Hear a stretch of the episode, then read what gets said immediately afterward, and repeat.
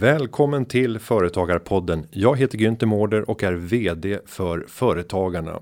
Ja, krisen går nu in i den tredje månaden och eh, vi ser konsekvenserna med eh, all önskvärd tydlighet eller ska man säga önskvärd? Det är ju inte önskvärd överhuvudtaget, men man ser med tydlighet hur krisen nu på allvar börjar bre ut sig. Arbetslösheten stiger markant. BNP prognoserna som eh, står som spön i backen, men med hög osäkerhet visar på ett scenario som ser mycket mörkt ut. Vi ser också hur företagskonkurserna har börjat segla upp på nivåer som vi inte har sett sen egentligen finans och fastighetskraschen i början på 90-talet. Situationen är mycket allvarlig. I förra veckan så presenterade regeringen så det omsättningsstöd som företagarna har efterlyst sedan inledningen på krisen. Vi fick eh, lära oss ett eh, nytt namn på förslaget, vilket är omställningsstöd. Vad det egentligen betyder är mm, oklart och vad man vill signalera. Är det här bara en tillfällig krisåtgärd eller kan man tänka sig att förlänga den här under hela krisens fulla förlopp? Det återstår att se. Det här avsnittet blir ett specialavsnitt. Vi kommer nu i hög utsträckning att bjuda in gäster från distans och den här veckan har jag förmånen att ha Centerpartiets partiledare och eh, då vet ju alla att det är Annie Lööf, men hon är ju föräldraledig för tillfället och därför så blir det vikarierande partiledare Anders W Jonsson som kommer att delta. Därefter så kommer jag att bjuda in vår alldeles egna chefekonom Daniel Wiberg som avslutningsvis får kommentera omställningsstödet. Jag säger välkommen till Företagarpodden. Då säger jag hjärtligt välkommen till Anders W Jonsson som är vikarierande partiledare för Annie Löv i Centerpartiet. Välkommen till Företagarpodden. Tack så mycket. Och jag måste ju börja med att ställa frågan. Var det så här du hade tänkt dig den här eh, perioden när du skulle gå in och eh, vara partiledare för, för Centerpartiet i Annis frånvaro? Eh, nej, definitivt inte. Eh, men det var ju så här förra gången jag hoppade in som partiledare också. Då skulle det vara en eh, lugn och skön höst och vår. Eh, och det var ju 2015 och då fick vi ju flyktingkrisen och allt som följde med det. Så att det var en väldigt intensiv och speciell period även då. Men att det skulle bli på det här viset, det hade jag väl inte riktigt förutsett. Så det vilar någonting över just det här faktumet att du när du träder in så händer det stora saker. Man kan aldrig planera som politiker. Nej, jag brukar säga det att eh, jag hade väl varit i tjänst i någon dag innan vi fick en bekymmersam situation kring Arbetsförmedlingen i december. Så att eh, det här är kanske sista gången jag får förtroendet att hoppa in som föräldravikarie för Annie. Ja, om vi tittar på din eh, profession så är ju du eh, läkare, barnläkare i grunden. Eh, om du skulle med din profession i ryggen beskriva hur du ser på nuläget, hur skulle det låta då? Nej men det är ju en, eh, en patientvärlden som har drabbats av en mycket svår sjukdom. Och dessutom en sjukdom som vi inte vet särskilt mycket om. Trots att vi lär oss mer för var dag som går. Eh, så att det här är ju verkligen en, en sjukdomschock, inte bara för Sverige utan för hela världen. Och det är det som gör att vi alla är så oförberedda. Eh, så att det, det, är ett allvarligt läge men vi vet ju att det handlar i grunden om en virusinfektion. Eh, och virusinfektioner vet vi ju en hel del om. Eh, att de läker ut så småningom och att vi hoppas att snabbt få ett vaccin eller få bättre möjligheter att behandla. Det är ju inte första gången världen har varit med om det här ska man ju påminna sig. Vi har ju både HIV-epidemin och dessförinnan både Hongkong, asiaten, spanska sjukan. Så att det är ju inte ett nytt fenomen på det viset. Men med dina kunskaper och din bakgrund bedömer du att samhället har agerat på ett klokt sätt i det här händelseförloppet? Jag tycker att Sverige har agerat på ett oerhört klokt sätt eh, vägledande för mig i den här typen av situationer det är att man måste förlita sig på eh, vetenskap, beprövad erfarenhet. Lika lite som politiker ska ha synpunkter på eh, cancerbehandlingar och hur vi behandlar beroendesjukdomar eh, tycker jag att man ska ha politiska åsikter om hur man hanterar en pandemi. Eh, och därför känns det tryggt att vi i Sverige har en uppställning från egentligen samtliga partier att eh, vi utgår ifrån det kunskapsläge som är. Eh, och jag tror att det i längden kommer att gagna Sverige. Men där väcks ju ofta frågan vem är det egentligen som bestämmer? Man kan ju faktiskt eh, fundera över när när eh, vår statsminister ofta meddelar att eh, vi har fått tydliga råd och, och, rekommendationer från våra expertmyndigheter och så väljer man att fatta beslut på grundval av det och sen när man lyssnar på expertmyndigheterna och deras företrädare så säger de att det är politiken som bestämmer. Var någonstans fattas egentligen besluten? Nej men det, det är otvetydigt så att det är Sveriges regering och Sveriges riksdag som fattar besluten. Men de besluten fattas på basen av eh, bästa tänkbara vetenskap och beprövad erfarenhet. Sen är det ju så här att eh, om, säg att Folkhälsomyndigheten eller Socialstyrelsen kommer med en rekommendation till regeringen eller för den delen till riksdagen. Eh, då måste ju regeringen och ytterst riksdagen göra en bedömning av den rekommendationen i förhållande förhållande till andra nationella intressen. Eh, så säg till exempel att Folkhälsomyndigheten skulle ha landat i en total nedstängning av det svenska samhället. Nu har de inte gjort det, men om den rekommendationen hade kommit därifrån, då hade det ytterst varit regering och, och även riksdag som hade fått väga det emot alla andra vitala nationella intressen som i det läget skulle skadas. Så att det är ingen tvekan om att det är regeringen och ytterst riksdagen som har det politiska ansvaret. Men däremot är det viktigt att när man fattar beslut så ska de baseras på vetenskap och beprövad erfarenhet. Och där har vi ju en stark tradition i Sverige. Och nu ingår Centerpartiet i regeringsunderlaget eh, och då kan det vara intressant säkert för lyssnarna att, att få en bild av hur stora är skillnaderna på om Centerpartiet idag hade ingått i regeringen versus som det idag att man ingår i eh, regeringsunderlaget. Hur, vilka likheter, vilka skillnader skulle du säga att det skulle innebära? Nej men i det här läget så är inte skillnaden så väldigt stor beroende på att det är väldigt mycket av det som nu görs det handlar om budgetfrågor. Eh, och januariavtalet ingår ju att eh, vi ska samarbeta kring budgetar. Vi hade ju tänkt oss att det skulle handla om eh, ordinarie budgetar och vårändringsbudgetar men nu är vi uppe i den sjätte extra ändringsbudgeten. Så vad det gäller de ekonomiska förslagen och hur vi hanterar den ekonomiska krisen så där ska jag säga att vi, vi är inne i, i allt. Eh, vad det gäller eh, andra delar av det, till exempel på det sociala området, eh, så är det ju även där så att vi har ett omfattande samarbete. Eh, så att eh, vi, vi finns med, men inte i alla detaljfrågor. Hade vi suttit i regering, då hade vi varit del i att ta ansvar för varenda liten detalj. Eh, men merparten så finns vi med vid förhandlingsbordet just nu. Och nu tappar man ju nästan räkningen på hur många ändringsbudgetar som har presenterats. Är det sex stycken till antalet nu? Ja, eh, det förslag som kom med omställningsstödet eh, på valborgsmässoafton så kan man säga att det blir den sjätte eh, extra ändringsbudgeten. Och, och utifrån eh, Centerpartiets perspektiv, hur stora tror ni skillnaderna är när ni utgör en viktig byggsten i regeringsunderlaget när vi ser på slutresultatet. Det vill säga hur hade det sett ut om Centerpartiet inte hade funnits med vid förhandlingsbordet i den här tuffa perioden? Ja, men styrkan i Centerpartiet i det här läget det är ju att vi är ett eh, parti med rötter väldigt långt ut i den svenska småföretagsamheten. Eh, så att vi har ju via våra riksdagsledamöter och andra företrädare ett oerhört brett kontaktnät ute i småföretagarsverige. Eh, och det har varit viktigt för oss att lyfta in i förhandlingarna. Att vi ser vilka konsekvenser den här krisen får för de svenska småföretagen. Där har vi bidragit på ett väldigt viktigt sätt. Och tror du att de förslag som hittills har presenterats från regeringen skulle kommit att ha sett annorlunda ut om eh, Centerpartiet inte hade deltagit i eh, förhandlingarna och varit en del av regeringsunderlaget? Det är jag fullständigt övertygad om.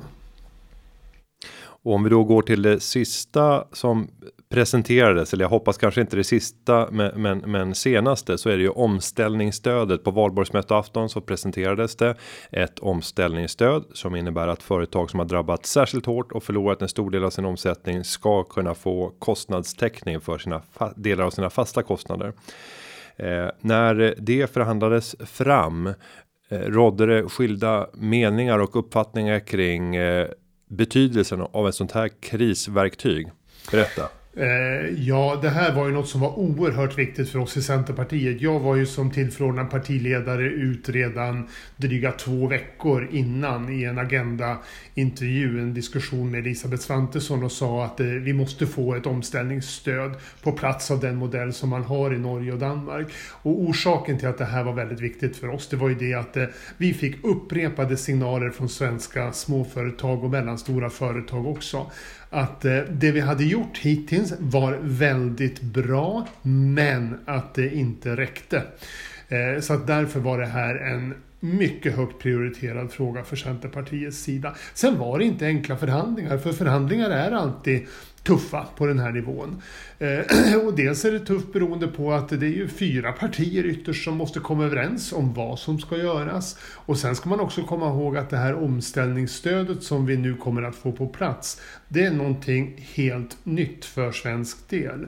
Eh, och det är, det är lätt att eh, Eh, i en debattartikel säga att eh, det här ska vi ha. Men sen att lyckas lösa ut alla detaljerna, det har inte varit en enkel resa och det är det som har gjort att det har tagit tid också.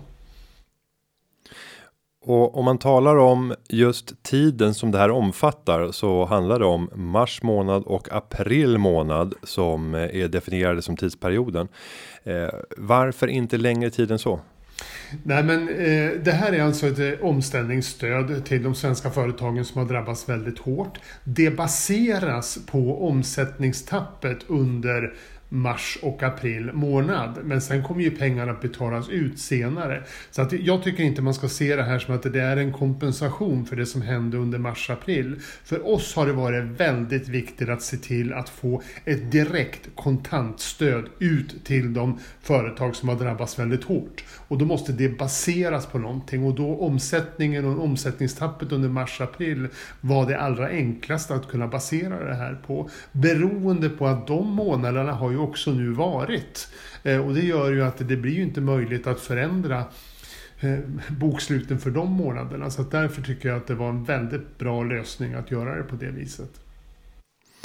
Och precis som du säger så kommer ju pengarna som kommer i det här stödet att utbetalas senare och det som står skrivet än så länge är att det kommer eh, efter första juli. Eh, det kanske kan påskyndas. Jag vet inte exakt vad som gäller rent rent eh, eh, praktiskt. Men blir inte det väl sent? Om vi tänker på de företag som har hamnat i kris i mars, april och tappat stora delar av sin omsättning och sen att kunna få det här omställningsstödet. Risken är väl att flera av de där företagen inte kommer att finnas kvar vid det laget. Ja, eh, alla fyra partierna ska jag säga är helt överens om att det här ska gå så fort det någonsin kan. Men det här är ett helt nytt system som ska på plats. Eh, dels så kräver det att lagrådet yttrar sig, regeringen ska lägga förslag, det ska beslutas av riksdagen och därefter kan ju Skatteverket börja verkställa det här. Eh, så att alla partier är helt överens om att det här ska ske så fort det någonsin går. Det är klart konsekvensen kommer att vara att för det företag som har en akut likviditetskris nu så är det sent att få pengarna i juli. Men för merparten av företagen så är ju det här ändå en signal om att det kommer att tillföras cash i kassan för företaget så fort det någonsin går. Och man kan ju redan nu sätta sig ner och räkna på vad kommer det här att innebära eh, för mitt företag. Eh, upp till 150 miljoner kronor för ett enskilt företag kommer alltså att utbetalas inom kort. Det är ganska rejäla pengar. Mm.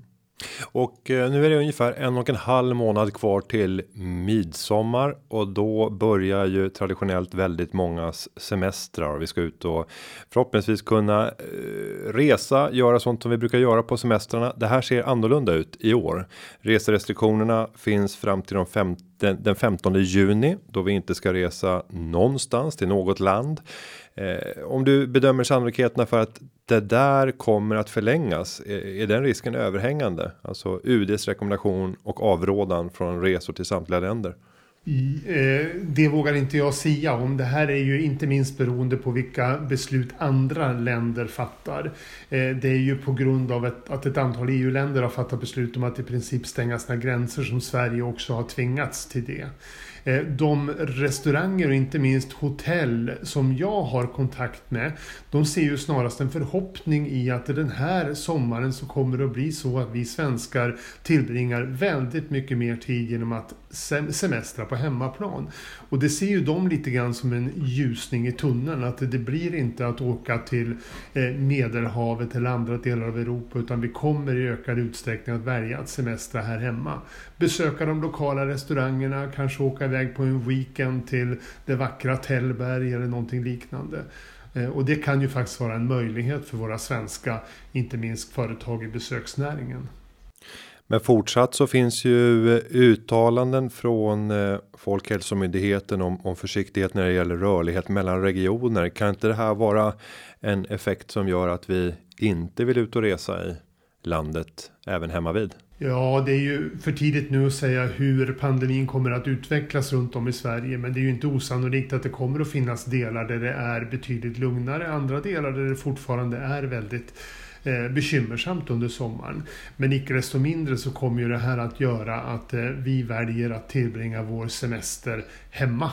Eh, antingen att kunna besöka dem, som för, i min del, alla fantastiska turistpärlor som finns här hemma i Gästrikland. Eller kanske kunna drista sig till att resa till något av de närliggande länen.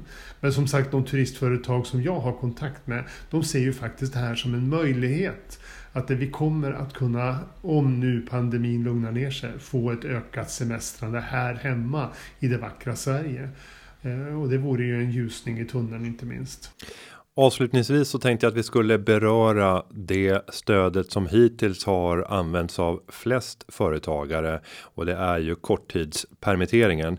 De senaste rapporterna jag såg från Tillväxtverket var att dagen före valborg för ungefär en vecka sedan så hade 50 000 företag ansökt om permittering av sin personal eller för sig själva. Men det här permitteringsverktyget omfattar ju inte den som äger sin eh, firma via enskild firma. Hur ser du på den gruppen av eh, hundratusentals företagare som har valt enskild firma som företagsform och som nu plötsligt får eh, mycket sämre förutsättningar att kunna använda regeringens stödverktyg eh, jämfört med sin motsvarande kollega som har ett aktiebolag? Ja, och inte minst därför så var det viktigt att få omställningsstödet på plats. Därför att där omfattas ju alla med F-skattsedel. Eh, och jag är den första att beklaga att vi inte har hittat en, en lösning som gör att eh, permitteringsstödet även kunde omfatta eh, människor med F-skattsedel. Eh, man tittar på det för närvarande så att det inte är helt avfärdat men det, det är inte helt enkelt att göra det. Men däremot så blir det ju en lättnad nu i och med att de fasta kostnaderna, frånsett lön, kommer att kunna lyftas för de företagen som har ett väldigt stort omsättningstapp. Så för den enskilda näringsidkaren så kommer man kunna dra sin egen lön mot det som en fast kostnad i omställningsstödet. Stämmer det? Eh, nej, alltså om, omställningsstödet är baserat på de fasta kostnaderna exklusive eh, lönekostnader. Så att du kommer ju kunna dra övriga kostnader vilket ju även det blir en lättnad för det företag som bedrivs med F-skattsedel som bas. Men för jag tänker att för många av de här enskilda näringsidkarna så är ju det vanligaste att man säljer sin egen profession, alltså sin egen tid och tar betalt per timme eller per uppdrag för det man utför och där kostnaderna runt omkring ofta är relativt små. Många av de här enskilda näringsidkarna sitter ju från hemmiljö och eh, gör sina arbeten eller ute på arbetsplatser där de inte har några stora fasta kostnader. Eh, Kommer regeringen tror kunna gå vidare och titta på hur man kan använda korttidspermitteringen även för den här gruppen av företagare som annars är väldigt hårt utsatta? Ja, det är någonting som finns på bordet för de fortsatta diskussionerna. Eh, jag vill absolut inte eh, utlova att det kommer att gå i mål, men det här är en av de saker som fortsatt diskuteras. Ja, vi hoppas kunna hjälpa till och bidra med eh, insikter och kunna visa upp exempel på hur man skulle kunna lägga upp lösningar för att rädda fler företagare. Med det skulle jag vilja säga stort tack till dig Anders W Jonsson för att du har varit med i Företagarpodden. Tack så mycket för att jag fick vara med. Då har jag Företagarnas chefekonom till lika ställt ställföreträdande chef för avdelningen analys och opinion Daniel Wiberg i studion. Välkommen. Tack. Eh, vi har precis fått höra Anders W Jonsson och kommentarerna om omställningsstödet. Ja, det här var ju någonting som eh, vi ställde krav om tidigt in i eh, krisen. Varför har det här varit viktigt för företagarna? Ja, men det är viktigt för att väldigt många företag har ju, eh, ser väldigt olika ut och väldigt många företag drabbas av krisen. Det gör att man behöver den här typen av generella stöd, alltså att man kan få hjälp med kostnader oavsett vilken typ av kostnader man, har. Man har. Eh, vi har ju till exempel sagt att det här hyresstödet som har funnits, som bygger på ett avtal mellan hyresvärdarna och till exempel butiksägare då. Det har liksom inte visat sig vara så väldigt effektivt. Dessutom når det ju inte ut till alla de företag som har andra kostnader än just hyreskostnader. Eh, därför tror jag att det är väldigt viktigt att man nu får till ett stöd som riktar sig till de företag som sett ett dramatiskt omsättningstapp och som har kostnader som man eh, annars inte kan möta helt enkelt med de eh, intäktsfall som man nu ser. Jag hör allt oftare i eh, de samhällssamtal som pågår och man kan läsa om det i tidningar och höra på radio och se på tv om personer som uttalar sig och säger att eh, man kastar pengar över företagen nu under krisen. Eh, vad är din kommentar när du ska bemöta den typen av uttalanden? Ja, nej, men det håller jag nog inte riktigt med om. För det första, de riktigt stora kostnaderna, det är ju de kostnaderna som tas av företagen nu. Det vill säga de intäktsbortfall som blir resultatet av de åtgärder som man har gjort när man nu nästan fryser stora delar av samhället och de verksamheter som företagen har. Det är liksom enorma pengar i omlopp som nu inte är ute och cirkulerar i ekonomin att ställa statens kostnader för olika stöd i förhållande till det är en väldigt begränsad eh, summa. Dessutom tycker jag att det är viktigt att hålla det långsiktiga perspektivet. Eh, de här kostnaderna, de här stöden som vi ser nu, de är ju till för att företagen ska överleva, genomleva den här krisen. Så att man sen ska kunna vara igång igen så fort som möjligt. Det skulle kosta otroligt mycket mer för samhället och för staten på sikt om alla de här verksamheterna tvingas lägga ner och sen eventuellt kunna starta upp igen. Det är ju helt osäkert om en entreprenör är verk verkligen är villig att ta och chansa igen så att säga och starta upp en verksamhet som nu har Eh, varit tvungen att läggas ner. Eh, den typen av kostnader med arbetslöshet, ökat utanförskap och så vidare skulle vara astronomiskt mycket högre än de eh, siffror vi ser nu som är i runda svängar några hundratals miljarder kronor. Det kan låta mycket men det är inte så mycket för staten. Nu är ju både du och jag ekonomer, men vi har olika bas inom ekonomin att stå på. Du är nationalekonom, jag är mer företagsekonom. Om vi, om du skulle få testa min argumentation och försöka trycka in en eh, nål i ballongen här för att se om den går att spräcka. Men det jag vill hävda, det är att vi som företagare betalar enorma pengar för att få åtnjuta en fungerande marknad. Eh, vi betalar det genom skatt. I gengäld så får vi institutioner och vi får ramverk som vi kan verka inom där det skapas rättvis konkurrens och där vi kan skapa förutsättningar för att göra affärer mellan människor. Och där är, skulle jag säga, äganderätten liksom det bärande elementet och sen byggs det utifrån det på med komponent efter komponent för att sen bjuda en fullt fungerande marknad från politiskt håll. Det som nu har hänt vill jag hävda är att man helt har dragit undan mattan för flera av de företagen som ska verka på den här marknaden. Så de har inte ens fått de här förutsättningarna. Men man förväntar sig ändå från statsapparaten att företagen inte ska bryta alla sina avtal i förhållande till sina intressenter. Så som att helt plötsligt ställa in alla typer av lönebetalningar, inte betala en enda faktura, inte betala någonting till staten. Eh, och det här är det rimliga i när företagen då börjar säga vilken kompensation får vi? Vi har betalat för det här systemet. År ut och år in och vi har en av de högsta kostnaderna för att få den här det här systemet som vi kallar marknaden i Sverige. Få andra länder har lika högt skattetryck som som vårt land och därmed så kostar vår marknad en kanske bättre funktion på den marknaden än vad det är på andra. Det låter vi vara osagt, men vi betalar väldigt mycket pengar. Eh, mm. Därför är det rimligt just nu att företagen faktiskt får kompensation för att man har blivit fråntagen den elementära rätten att bedriva sin verksamhet. Daniel Wiberg. ja, ja, det var en lång fråga, nästan lite Nej, det, av ett resonemang ett tycker jag. Ja, det är ett resonemang och nu, nu ska du få möjlighet att ja, sticka ja, hål i den här ballongen. Är det fel att resonera så här? Jag tycker inte det, men först och främst så en sak som jag vill invända mot kanske, men det är väl mer hur du formulerar det. Det är väl att det är inte staten som tillhandahåller den fria marknaden. Mm. Det är ju vi, människorna, samhället, företagen som verkar på, vill vi tro, en fri marknad. Sen har då till följd av eh, smittspridning och så vidare så har staten vidtagit vissa åtgärder som förhindrar vissa verksamheter att vara igång. Och då får det katastrofala följder för de privata företag och entreprenörer som är verksamma i de sektorerna. Och då tycker jag att det är viktigt att de skattepengar man har betalat in så att säga tidigare också kan användas till det sociala skyddsnät som vi också bygger upp i en välfärdsstat så att säga. Samtidigt som vi måste värna den grundläggande fria marknadsekonomin så att säga. Eh, och det blir lite paradoxalt när vi har vissa verksamheter som är öppna, till exempel restauranger. Samtidigt som politiker är ute och eh, säger att eh, individer och människor inte ska vara ute på restauranger och uteserveringar. Det blir ju ett litet mm, dubbelt budskap helt klart. Eh, men jag håller nog med idén om att företagare måste också få utnyttja det sociala skyddsnätet. Eh, samtidigt måste vi också se till att vi värnar den fria marknaden och, och där bygger ju företagande på ett risktagande. Så jag tror inte att vi ska förvänta oss att man kommer få eh, fullständig ersättning för alla de kostnader som nu drabbar många företag. Men ett visst socialt eh, skydd bör även företagare få. Och nu fick vi alltså på valborgsmässoafton det efterlängtade som vi kallade det omsättningsstöd, men de valde att döpa om det till omställningsstöd. Redan där i semantiken, vad gör du för analys?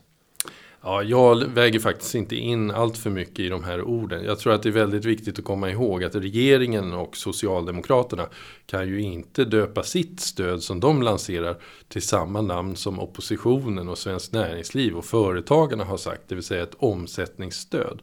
Så de vill nog bara leka lite med orden och kalla det då istället ett omställningsstöd för eh, baserat på omsättning och kostnader. Så att eh, jag tycker nog att eh, man inte ska väga in allt för mycket i det här eh, ordet omställning. Det är fortfarande ett stöd alltså som baseras på ett omsättningsfall och på de kostnader som man har haft till följd av det. Nu är ju det här stödet begränsat till två månader och det är retroaktivt. Det är mars och det är april och det kanske kommer att utbetalas så sent som en bit in i juli. Eh, samtidigt så pratar jag med Anders W Jonsson och då låter det som att han vill tona ner bilden av att man ska se direkt så här orsak verkan här. Utan det här var ett selekteringsverktyg för att träffa de företagen som har drabbats hårt med en peng som gör det möjligt för dem att kunna överleva. Eh, men man ska inte låsa sig för mycket vid att man använder mars och april som utgångspunkt för, för eh, uträkningen vart stödet ska landa. När du tittar på det, utformningen av förslaget. Är det här en engångsinsats enligt din bedömning eller kommer det här kunna vara ett stöd som förlängs med en månad i taget? Eh, jag hoppas att det är ett stöd som kommer att kunna förlängas. För jag tror att de här två månaderna mars-april skulle vara alldeles otillräckligt faktiskt. Eh, vi vet ju att många företag kanske ännu inte har tagit kostnader. Utan eh, där man har haft avtal som har löpt fram till nu. Men där verksamheterna framöver kommer påverkas mycket kraftigt. Så då kommer kostnaderna att ligga under maj och kanske fram mot sommaren. Eh, sen är det ju så att det här förslaget har kommunicerats av regeringen och stödpartierna här på för några dagar sedan. Och just nu pågår arbetet i regeringskansliet att utforma detaljerna. Jag hoppas verkligen att man då lämnar en viss öppning för att antingen förlänga stödet eller att så att säga återaktivera det. Eh, man måste också få ett så kallat statsstödslöfte från EU att man ska kunna använda den här typen av stöd. Men det tror jag inte heller ska vara något problem. Och det har våra grannländer redan fått eller för flera av dem, bland annat Danmark som har varit en stark inspirationskälla för regeringen när det gäller utformningen av förslaget. De har redan fått det här i sjön. Ja, precis. Men det är ändå en viss formalia som man måste gå igenom. Och eh, för svensk del så blir det en så kallad ändringsbudget. Så det är helt klart en, mm, rätt mycket detaljer som ska utformas här. Eh, och vi vet än så länge relativt lite då om hur eh, det slutgiltiga förslaget kommer se ut. Eh, regeringen säger ju att man hoppas att det här ska träda i kraft då första juli. Och så blir det då som du nämnde retroaktivt. Eh, jag hoppas att man när man skriver de här detaljerna kommer göra det så att det blir lite eh, att det finns möjlighet att göra, täcka mer än två månader. För det ser jag som helt otillräckligt. Och om man nu som företagare känner att det här är ett stöd som jag kommer ha rätt till och jag kommer behöva det för att kunna kanske inte nödvändigtvis ställa om. Jag tänker att de flesta företag ska nog göra det som de är jäkligt duktiga på och marknaden kommer i de allra flesta fall att återvända efter krisen. Så ställ inte om för mycket. Ställ om för den här korta perioden som förhoppningsvis det här kommer att innebära. Även om vi pratar om ett halvår eller, eller längre så. Men gör inte våld på hela din verksamhet. Du är grym på det du gör. Hade du en bra verksamhet innan och ingenting till synes har förändrats när vi kommer tillbaka efter. Fortsätt med det du gör. Men var ska man då ansöka om man känner att det här kommer jag att behöva? Ja, det kommer vara Skatteverket som administrerar det här eh, systemet. Så, så småningom kommer Skatteverket gå ut med detaljer och också då mm, inrätta någon form av servicefunktion hoppas jag där man kan ansöka om det här stödet. Och vilka företag är det som får ta del av det? Det är i stort sett alla eh, företag förutsatt att man under föregående verksamhetsår haft en omsättning på minst 250 000. Eh, så det är faktiskt även väldigt många små företag som omfattas av det här stödet. Och eh, det lades in eh, några eh, begränsningar. Bland annat så är det ju så att stödet ska täcka fasta kostnader. Vad är fasta kostnader? Jag vet ju själv hur svårt det är att definiera. Alla kostnader är ju fasta på kort sikt. Mycket, mycket kort sikt. Medan alla är rörliga på mycket lång sikt. Mm.